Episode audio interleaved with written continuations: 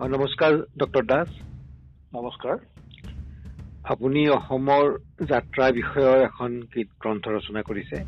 মানে দুটা ভাষাত ইংৰাজীতো কৰিছে অসমীয়াতো কৰিছে। কিতাপ দুখনৰ নাম দুটা কি কি বাৰু? অসমীয়া কিতাপখনৰ নাম যাত্ৰা অসমৰ যাত্ৰা জাৰ্ণি অফ পিপুলছ থিয়েটাৰ আৰু ইংলিছখনৰ নাম যাত্ৰা of Assam people journey of people's theatre. দুয়োখন আচলতে একেখন কিতাপ নে দুয়োখন বেলেগ বেলেগ? দুয়োখনৰ কেন্দ্ৰবিন্দু এটাই অসমৰ যাত্ৰা পাতি কিন্তু অসমীয়াখনত অকণমান কথাবিলাক বহলভাৱে লিখিবলৈ চেষ্টা কৰা হৈছে। আৰু ইংলিছখন বিশেষকৈ একাডেমিক পাৰ্পাছৰ কাৰণে যাতে অকণমান ৰিচাৰ্চ বেছড হয় বা ৰিচাৰ্চ কৰা মানুহবিলাকৰ কাৰণে অকণমান সুবিধা হয় তেনেকুৱা কৰা হৈছে। আৰু অসমীয়াখন বিশেষকৈ একদম হাইস্কুল লেভেলৰ পৰা যাতে বিশ্ববিদ্যালয় পৰ্যায়লৈকে বা যিকোনো পাঠকে পঢ়ি এটা তৃপ্তি পাব পাৰে সেইটোৰ ওপৰত লক্ষ্য ৰখা হৈছে। অকণমান লিখা ষ্টাইলটো অকণমান বেলেগ বেলেগ। আদাৰৱাইজ বাকী কথাখিনি কিন্তু মোটামুটি একেই। আমাৰ শ্ৰোতাৰ কাৰণে আমি অসমীয়াখনতে গুৰুত্ব দিওঁ। অসমীয়াখনত কি কি আছে অকমান মোক বহলাই ক'ব নেকি? গোটেই কিতাপখনৰ কেন্দ্ৰবিন্দুটো অসমীয়া যাত্ৰা। অসমীয়া মোবাইল থিয়েটাৰৰ যি পিতৃস্বৰূপ বুলি কোৱা হয় মাতৃস্বৰূপ বুলি কোৱা হয় অসমীয়া যাত্ৰা। সেয়া অসমীয়া যাত্ৰা আৰম্ভ হৈছিলে ওঠৰশ ষাঠি চনত বৰপেটাত। তিথিৰাম বায়নে প্ৰথমবাৰৰ বাবে অসমীয়া যাত্ৰা গঠন কৰিছিলে। তাৰ সময়ৰ পম খেদি সেই অসমীয়া যাত্ৰাত সৈনিক শিল্পী ব্ৰজনাথ শৰ্মাই যেতিয়া ভৰি দিছিল ব্ৰজনাথ শৰ্মাই অসমীয়া যাত্ৰাক মুগ্ধ কৰিছিল অসমীয়া যাত্ৰাক বহুতখিনি আগবাঢ়ি লৈ গৈছিল আৰু সেই অসমীয়া যাত্ৰাৰ মঞ্চতেই প্ৰথমবাৰৰ বাবে অসমীয়া নাৰীয়ে ঊনৈছশ তেত্ৰিছ চনত ডুমডুমাত যাত্ৰাপাতিৰ মঞ্চত ব্ৰজনাথ শৰ্মাৰ যাত্ৰাপাতিৰ মঞ্চত অভিনয় কৰিছিল। তাৰমানে ঊনৈছশ তেত্ৰিছ চনত অসমীয়া মহিলাই প্ৰথমবাৰৰ বাবে সহ অভিনেত্ৰী হিচাপে অভিনয় কৰিছিল। তাৰ আগত মহিলাৰ চৰিত্ৰবিলাক পুৰুষে ৰূপায়ণ কৰিছিল।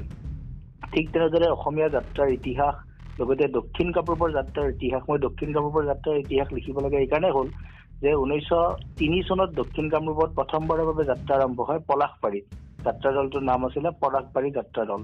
আৰু সেই সময়ৰ পম খেদি উত্তৰ কামৰূপত অৰ্থাৎ সেই সময়ৰ উত্তৰ কামৰূপ আজিৰ উত্তৰ পাৰ। আজিৰ উত্তৰ পাৰত জন্ম হোৱা যাত্ৰা আহি কালক্ৰমত পলাশবাৰীত থিতাপি ল'লে আৰু পলাশবাৰীত থিতাপি লোৱাৰ পিছত সমগ্ৰ দক্ষিণ কামৰূপ আপোনাৰ দক্ষিণ কামৰূপৰ মিৰ্জা পলাশবাৰী লোহাৰঘাট ৰাণী ছয়গাঁও ৰামপুৰ কুকুৰমাৰা আদিকে কৰি ওপৰলি দখলা এনেকুৱা গড়ল আজাৰা এইবিলাক ঠাইত যাত্ৰাপাতি যেতিয়া আহিল যাত্ৰাপাতিটো ইয়াতে থাকি গ'ল স্থায়ীভাৱে। আৰু এতিয়াও যোৱা ডিচেম্বৰ মাহলৈকে আমি গণি পেলাই যিটো সংখ্যা পালো এতিয়াও বত্ৰিশটা দলে এক্টিভলি কাম কৰি আছে। গতিকে সেইকাৰণে মই অসমৰ যাত্ৰাপাতিৰ ইতিহাসৰ লগতে দক্ষিণ কামৰূপৰ যাত্ৰাপাতিৰ ইতিহাসৰ এটা চেপ্টাৰ কৰিছো। তাৰ লগতে যাত্ৰাপাতিৰ লাইট মঞ্চ যাত্ৰাৰ যাত্ৰা অৰ্থাৎ যাত্ৰাপাতি কেনেকে প্ৰডাকশ্যনটো হৈছিল যাত্ৰাপাতি কেনেকে যাত্ৰা কৰিছিল এটা ঠাইৰ পৰা এটা আন এটা ঠাইলৈ ওঠৰশ ষাঠি চনতে। তাৰ ওপৰত এটা চেপ্টাৰ আছে যাত্ৰাৰ নাটকৰ ওপৰত এটা চেপ্টাৰ আছে যাত্ৰাৰ গানৰ ওপৰত আছে যাত্ৰাৰ কিছুমান চৰিত্ৰ আছিল বিশেষ বিশেষকৈ বিবেক বুলি আৰু চক্ৰা প্ৰগ্ৰেম বিতৰণ। যাত্ৰাৰ আজিকালি আমি মোবাইল থিয়েটাৰৰ নাটক আৰম্ভ হোৱাৰ আগতে আমাক এখন মোবাইল থিয়েটাৰৰ সেই গ্ৰুপটোৰ মানে সেই পাৰ্টিকুলাৰ থিয়েটাৰখনৰ এখন স্মৰণিকা আমাক বিলাই দিয়ে আমি এখন কিনো। সেই কনচেপ্টটো আহিছিলে যাত্ৰাপাতিৰ প্ৰগ্ৰেম বিতৰণৰ পৰা। যে মানুহে যেতিয়া মেকআপ কৰি থাকোঁতে অতিষ্ঠ হৈ নাযায় তেতিয়া সেইখিনি সময়ত তেওঁলোকে হাতে লিখা এখন প্ৰগ্ৰেম দিয়ে। সেইটো খুব ইণ্টাৰেষ্টিং কথা। আৰু মানুহে প্ৰগ্ৰেমখন পঢ়ি পঢ়ি নাটকখনৰ সম্পৰ্কে কথা লিখা থাকে তাত কিছুমান নৈতিক কথা লিখা থাকে। সেই সেই কথাখিনিক সামৰিবলৈ এটা চেপ্টাৰ কৰা হৈছে। তাৰোপৰি মানে অসমৰ যাত্ৰাত ৰাজনৈতিক চিন্তাৰ প্ৰতিফলন সাংস্কৃতিক চিন্তাৰ প্ৰতিফলন অৰ্থনৈতিক চিন্তাৰ প্ৰতিফলন তাৰোপৰি যাত্ৰা আৰু গণসংযোগৰ ওপৰত এটা ডাঙৰ চেপ্টাৰ কৰা হৈছে যিটোৱে গ্ৰন্থখনৰ সুস্থত বৃদ্ধি কৰিব বুলি মই নিজে ভাবিছো আৰু গুণগ্ৰাহী দুগৰাকীজন পাঠকে মোক জনাইছে। কাৰণ যাত্ৰাই সেই তাহানিৰ পৰা আজিলৈকে কেনেকে মাছ কমিউনিকেশ্যন কৰি আছে গণসংযোগৰ আহিলা কেনেকে হ'ব পাৰে সেইটো মই যিহেতু গণসংযোগৰ এগৰাকী শিক্ষক আছিলো ছাত্ৰ আছিলো গণসংযোগত মই পি এইচ ডি কৰিছিলো গতিকে গণসংযোগৰ ফালৰ পৰা থিয়ৰীৰ ফালৰ পৰা সেই কথাটো মই প্ৰমাণ কৰি দেখাই দেখুৱাইছো যে যাত্ৰা তাহানিৰ পৰা আজিলৈকে গণসংযোগৰ মাধ্যম।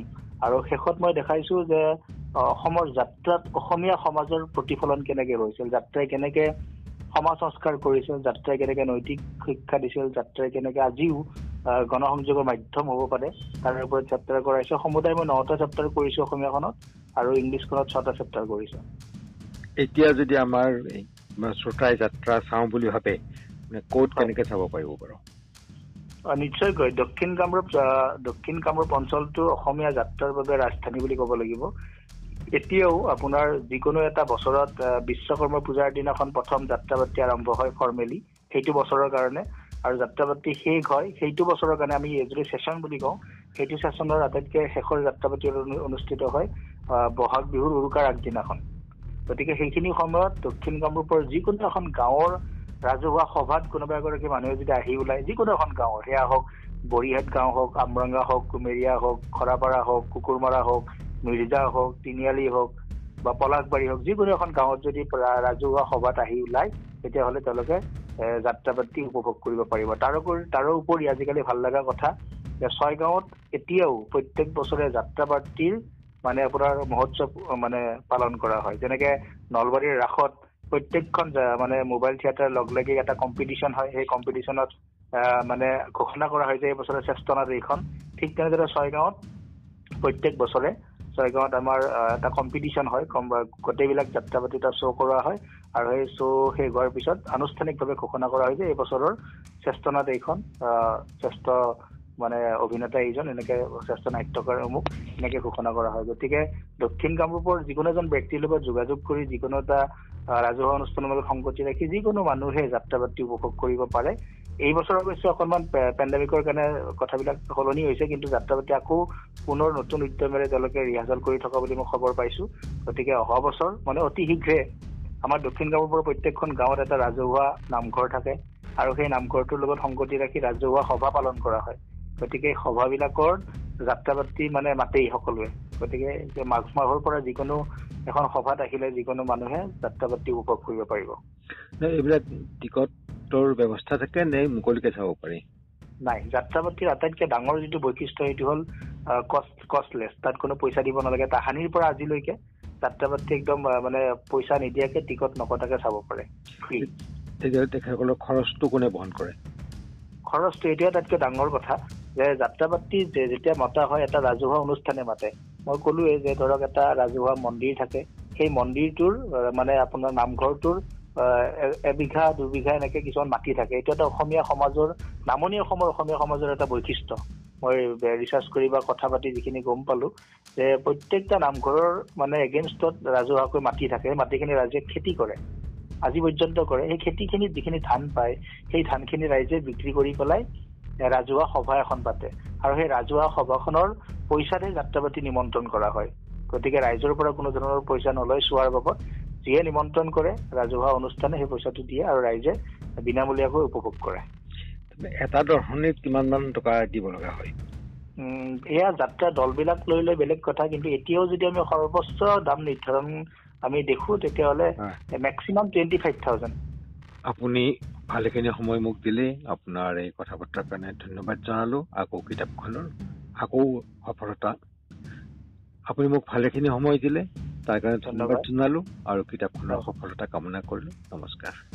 ধন্যবাদ ধন্যবাদ দত্তদা ধন্যবাদ।